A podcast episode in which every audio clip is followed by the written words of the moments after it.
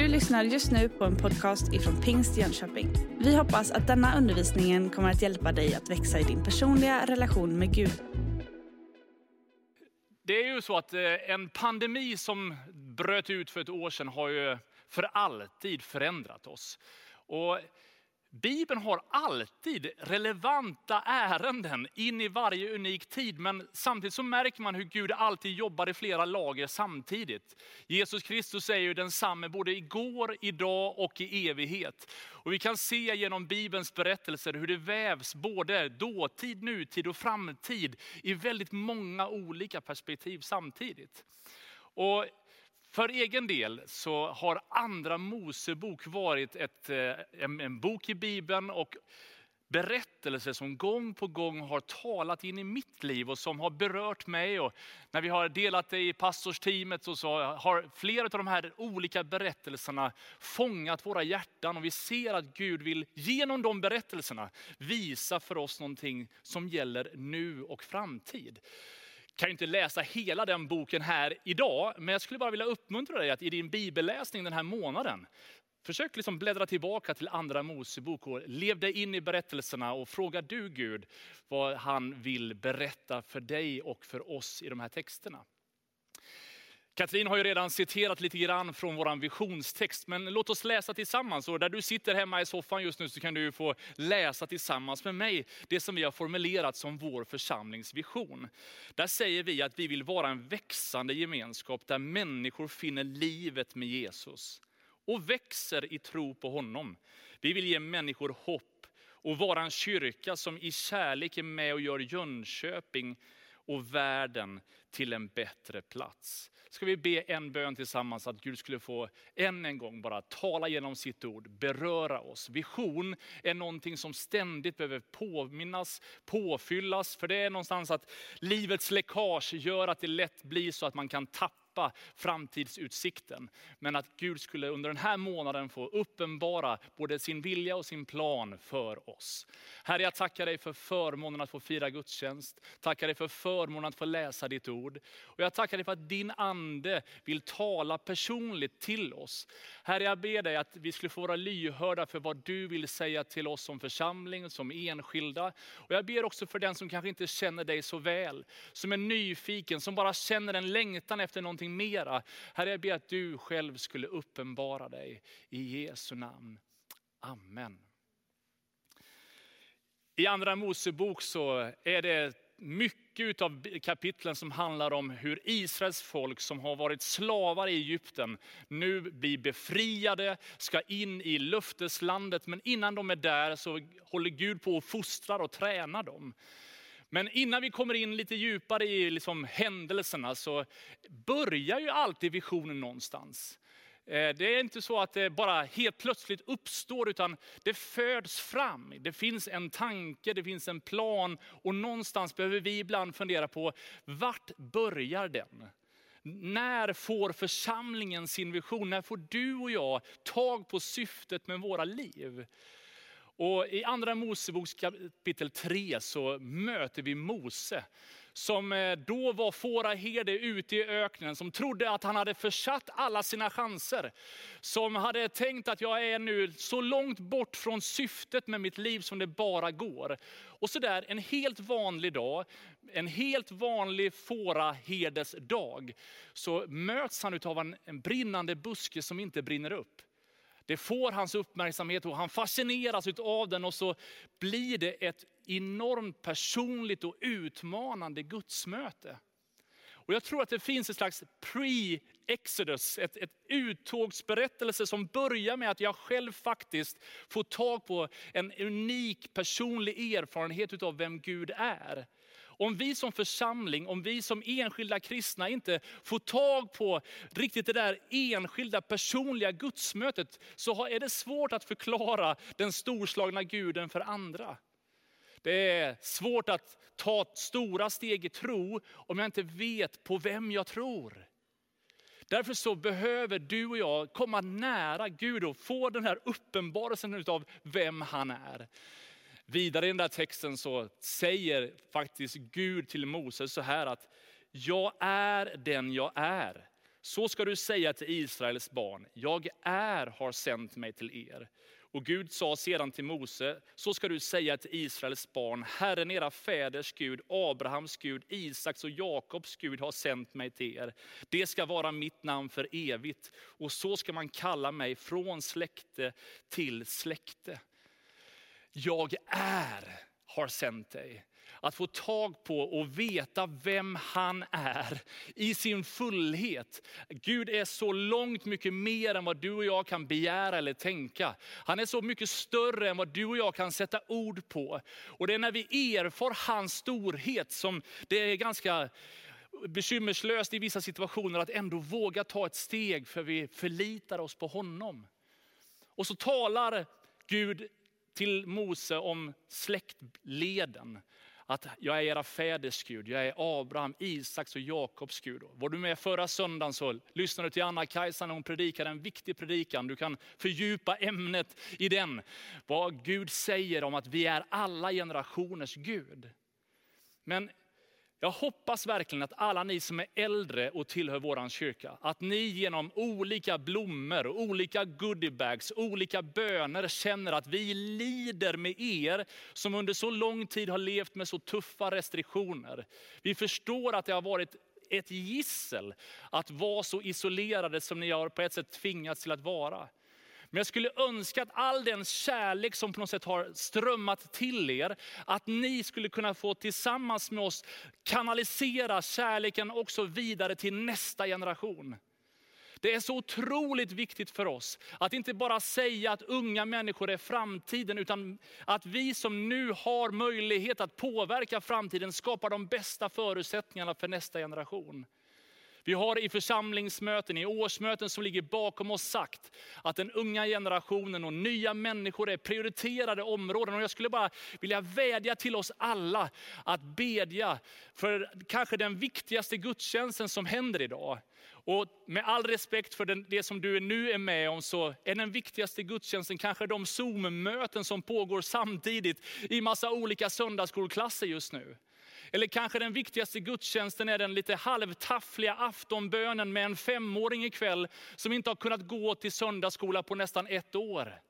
Du som är förälder och som troget försöker, det lilla du kan, att på något sätt andas den tro som bär dig över dina barn. Ja, Gud välsigne dig och som församling vill vi stå tillsammans med dig. Nästa generation behöver vi redan idag skapa förutsättningar för.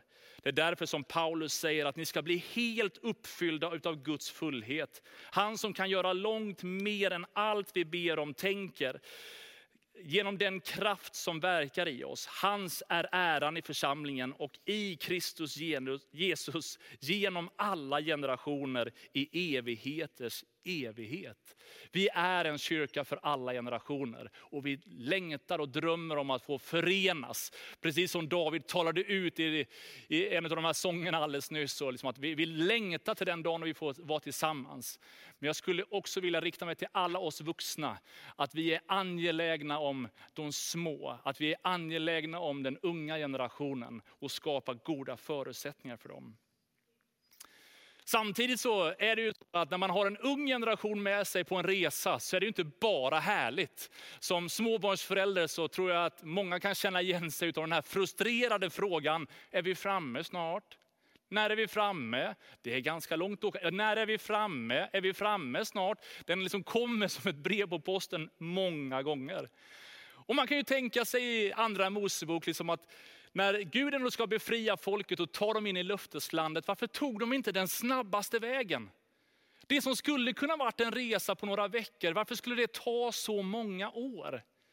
Ja, det verkar ganska enkelt att ta folket ut ur Egypten. Men det verkar vara svårt att få Egypten ut ur folket.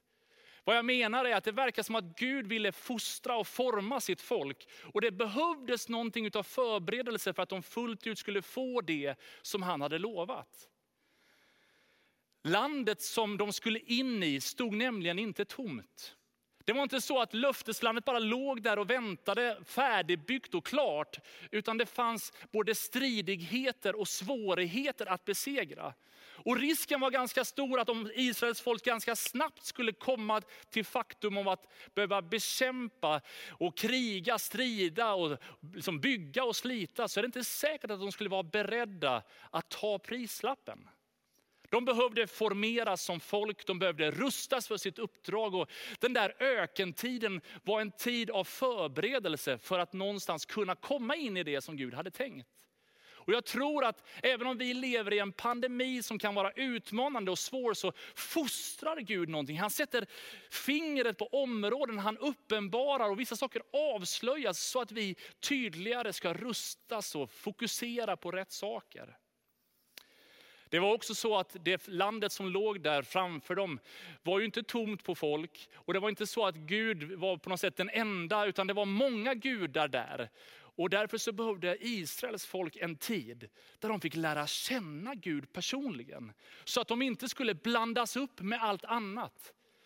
Jag har stor respekt för all gudslängtan som finns i alla människors liv. Jag tror att evigheten är lagd i människors hjärtan. Jag tror att Gud har en tanke med varje enskild människa. Men jag tror att Jesus Kristus är Guds son, frälsaren. Han är den enda vägen till Gud. Och därför så behöver vi i ett mångreligiöst samhälle ändå lyfta fram Jesus som befriaren, frälsaren, Herren. Kungars kung, herrars herre. Han är den han är. Och vi behöver lära känna den verkliga guden så att vi inte går vilse i allt det av annat som finns runt omkring oss. Det var ju också så att ganska snart in i löfteslandet så skulle de börja bygga sina hus. De skulle kratta sina trädgårdar, de skulle skapa sina odlingsplatser och ganska mycket tid skulle börja gå åt vardagsbekymmer. Det behövdes en tid i öknen där de fick lära känna Gud och där Gud tog hand om försörjningen så att de skulle kunna koncentrera sig på att bara följa honom. Jag tror att du och jag, mitt i allt det som nu har skalats av oss, skulle behöva utmana oss själva till att lära känna Gud ännu mer. Skapa de där vinnande rutinerna som gör att fortsättningen också blir stark. För Josua han fick ordet till sig att vara stark och frimodig. Var inte rädd eller förfärad, för Herren din Gud är med dig vart du än går. Jag tror att det finns trosteg det här året som kommer vara utmanande, speciella och svåra. Men att vi får känna likt Paulus, jag, jag skäms inte för evangeliet, för jag vet på vem jag tror. Jag vet vad Gud har sagt, vad Gud har lovat och därför så kan jag, även när hela mitt inre oroas, ändå stå stadigt och känna att Gud håller sin hand över oss. Med det sagt så skulle jag vilja utmana alla som följer den här gudstjänsten. Jag skulle vilja kalla dig till en tid utav bön. En tid utav att verkligen hitta Gud och lära känna Guds röst tydligt. Efter de här visionsveckorna så kommer vi ha flera veckor utav bön och fasta i vår kyrka. Men redan nu skulle jag vilja utmana dig att skapa utrymme för det personliga gudsmötet. För vi kommer behöva det i tider som ligger framför. Jag är också upp, liksom helt uppfylld med att Gud har stora saker som han vill förmedla till oss. Jeremia kapitel 33 säger så här, ropa till mig så ska jag svara dig och låta dig höra om stora och ofattbara ting. Det är som om himmelens Gud försöker säga till mig, och jag tror att han vill säga det till dig, att gör er redo att lyssna. För jag vill berätta för er någonting som är nästan för stort för ert alfabet och er vokabulär att greppa. Det som ni mänskligt ska försöka forma. Jag har någonting stort i beredskap. Och jag tror faktiskt att vi hedrar vår historia bäst genom att fortsätta bygga med pionjäranda. Att våga drömma stort, våga drömma mera. Jag tror att alla de som tog steg för att vi ska vara där vi är, inte tänkte att det här var liksom lösningen, utan de bara ville skapa en ännu större grund för att kunna bygga ännu högre, ännu starkare, ännu bredare i en frustration utöver att vara på vandring så kan det ju lätt bli att man längtar tillbaka till det som har varit. Att eh, som Israels folk leva i tält och packning, packa upp, packa ner, packa upp, packa ner, packa upp, packa ner, dag efter dag. Tröttsamt när rutinerna inte finns där. Så längtade man tillbaka till tryggheten där det ändå någonstans det fanns en ram att utgå från. På samma sätt så ser vi i exiltiden hur profeten Jesaja säger, tänk inte på det som har hänt. Bry er inte om det som var förr. Se, jag gör någonting nytt. Redan nu visar det sig. Märker ni det inte? Redan nu visar det sig. Märker ni det inte? Det var som att folket mitt i fångenskap, mitt i allting av svårigheter, mitt utav allt av problem och utsatthet, hade på något sätt börjat tappa bort av att Gud faktiskt gör någonting redan nu. Och ibland kan vi tänka att aha, nu är det pandemi, nu får vi vänta till att se det Gud ska göra sen. Nej, Gud är inte begränsad av varken pandemi eller social distansering. Han gör redan nu saker. Han, han är redan nu och färdig. Åh, om du och jag kunde se det än mer. Ja, låt oss tro det. Jag skulle också vilja påminna oss alla om att även om vi har en stor vision som säger att vi vill göra Jönköping och världen till en bättre plats, så kan vi inte använda tillräckligt med superlativ för att trumfa Herrens planer. Han säger att hans tankar är inte våra tankar. Era vägar är inte mina vägar, säger Herren. Nej, liksom himlen är högre än jorden så är mina vägar högre än era vägar. Och mina tankar högre än era tankar. Och jag är så förundrad och tänker bara, Gud, vad är det som är på ditt hjärta för den här tiden? Hur tänker du och vad skulle du vilja att vi gör? Som i den här visionsfilmen du alldeles nyss såg så var ett av bibelorden om Herren inte bygger huset så är arbetarnas möda förgäves. Och det är en utmaning att leva med de här dubbla perspektiven. Att Herren måste bygga huset. Det är liksom hans vilja, det är hans väg, det är hans plan som vi fullbordar. Men samtidigt så är det inte helt upp till honom. Det är inte så att vi får hamna i ett dike där vi bara, hopp, det får vara upp till honom. Det är han som bygger huset. Nej, arbetarna behöver vara i synk. Vi är Guds medarbetare och var och en behöver tänka på hur han bygger. Det som är klurigt den här visionssöndagen, ska jag helt ärligt säga, det är att jag känner väldigt mycket mig som Mose.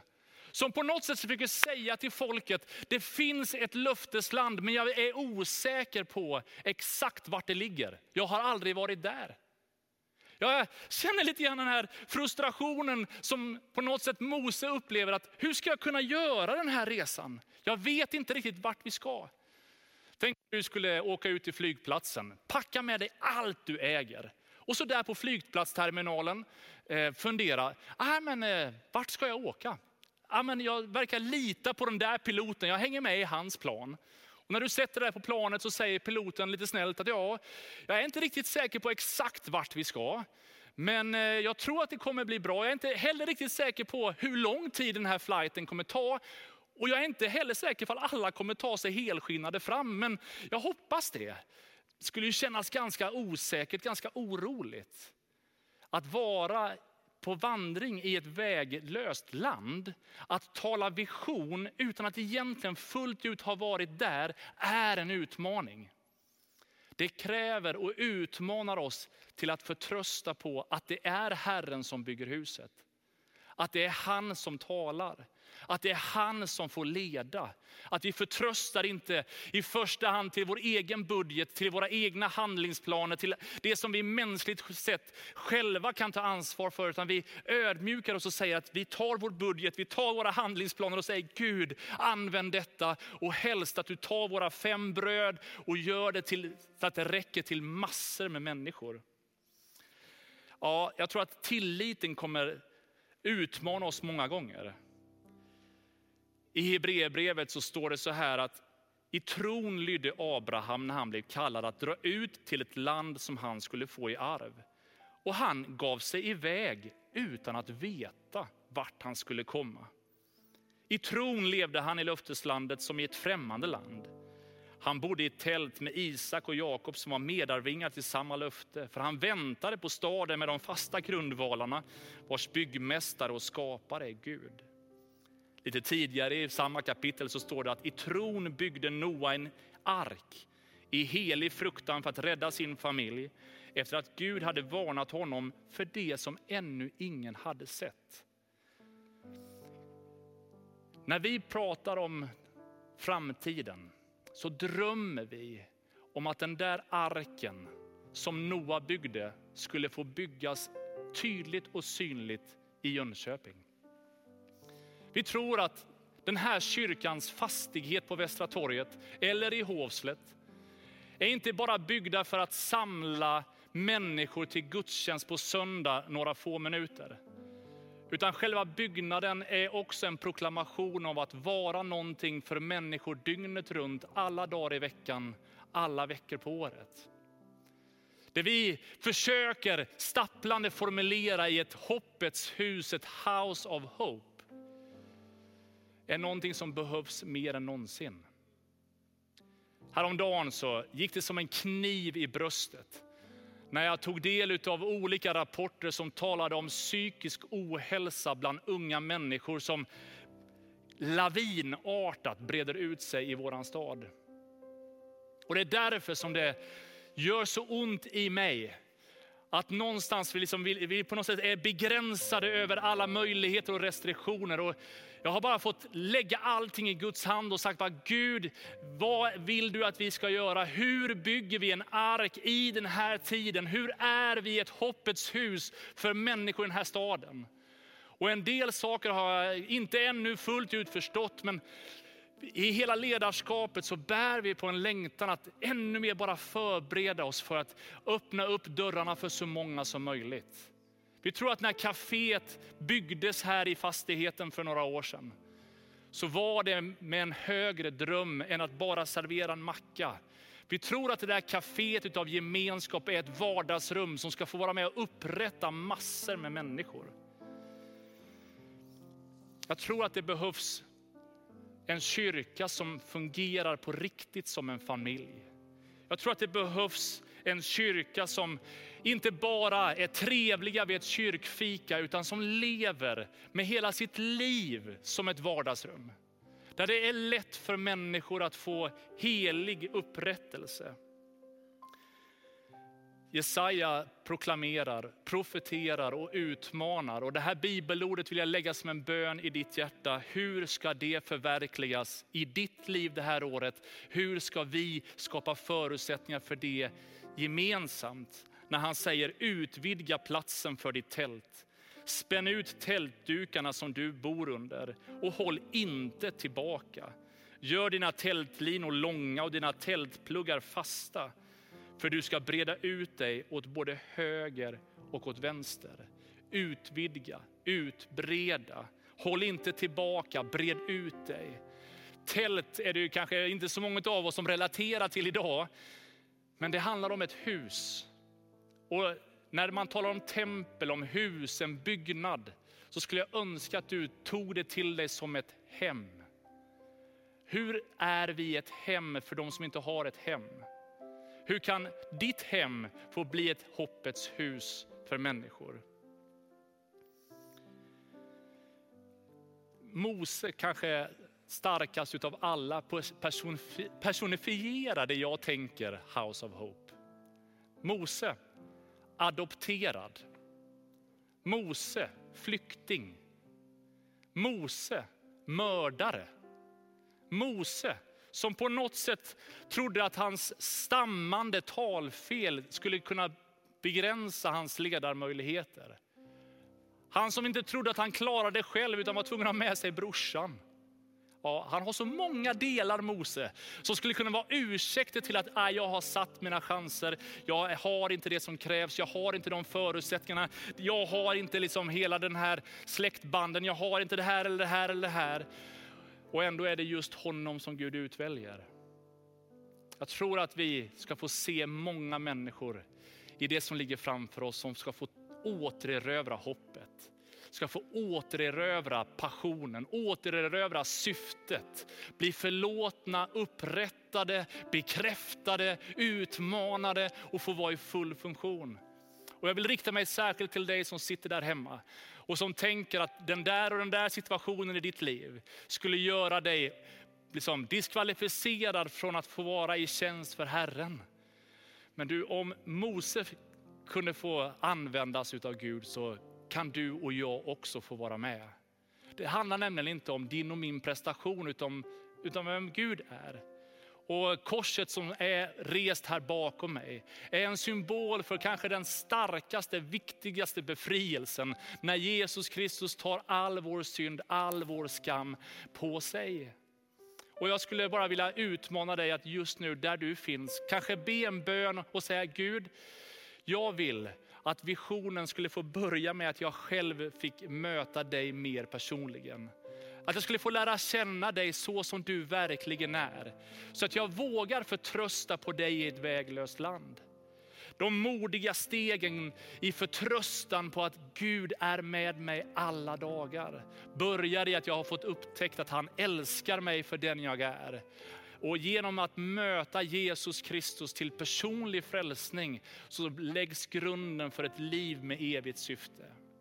Och Följer du den här gudstjänsten live så kan du trycka på den där handuppräckningsknappen och överlämna på det sättet liksom din tro till honom och säga, här är jag, be för mig, Gud jag vill ta emot dig i mitt liv. Gör du det här i efterhand så kan du ändå ta kontakt med oss via hemsidan så vill vi gärna hjälpa dig i de här första stegen i tro. Men jag skulle vilja utmana oss alla att den här söndagen ta ett steg närmare Gud. För jag är övertygad om att han har stora planer för oss. Men det börjar med att vi verkligen vet vem han är, blir trygga i vad hans röst är till oss. Herre, nu vill jag be för varje man, varje kvinna som på olika sätt den här söndagen gensvarar på inbjudan och lutar sig till dig. Herre, du ser den som kanske för första gången räcker sin hand eller sträcker sig mot dig, ber en bön och säger Jesus, jag vill lära känna dig. Men jag tackar dig också för att du välkomnar tillbaka de som kanske har känt dig sedan tidigare, men relationen med dig har på något sätt blivit pausad, distanserad. Men du kallar oss tillbaka, du lockar oss tillbaka till det där gudsmötet. Och jag vill be för oss alla Gud, att vi skulle få bli så trygga med vem du är. Att du skulle få bli så starkt, liksom, våran Herre och våran Mästare här på insidan. Så att det väcker ett mod att våga ta steg i tro. När vi ännu inte vet tidsplanen, när vi ännu inte vet alla saker så får vi ändå förtrösta på dig, luta oss in mot dig. Och jag bara ber dig att du skulle hålla din välsignande hand över oss alla. I Jesu namn. När Nehemja är med och bygger på ett av tempelbyggen eller stadsmursbyggen i Jerusalem så vacklar folket än en gång i sin tro och sin tillit. Kommer det här gå? Hur ska vi göra? Och så får Nehemja tala till dem och så säger han så här, låt oss stå upp och bygga. Och så står det att de fattade mod för det goda verket. Och jag vill bara önska dig Guds välsignelse i det som ligger framför. Och låt oss med förväntan se vad Gud har tänkt. Amen. Du har just lyssnat på en podcast ifrån Pingst Jönköping. För att få reda på mer om vilka vi är och vad som händer i vår kyrka så kan du gå in på pingstjonkoping.se eller följa oss på sociala medier via pingstjkpg.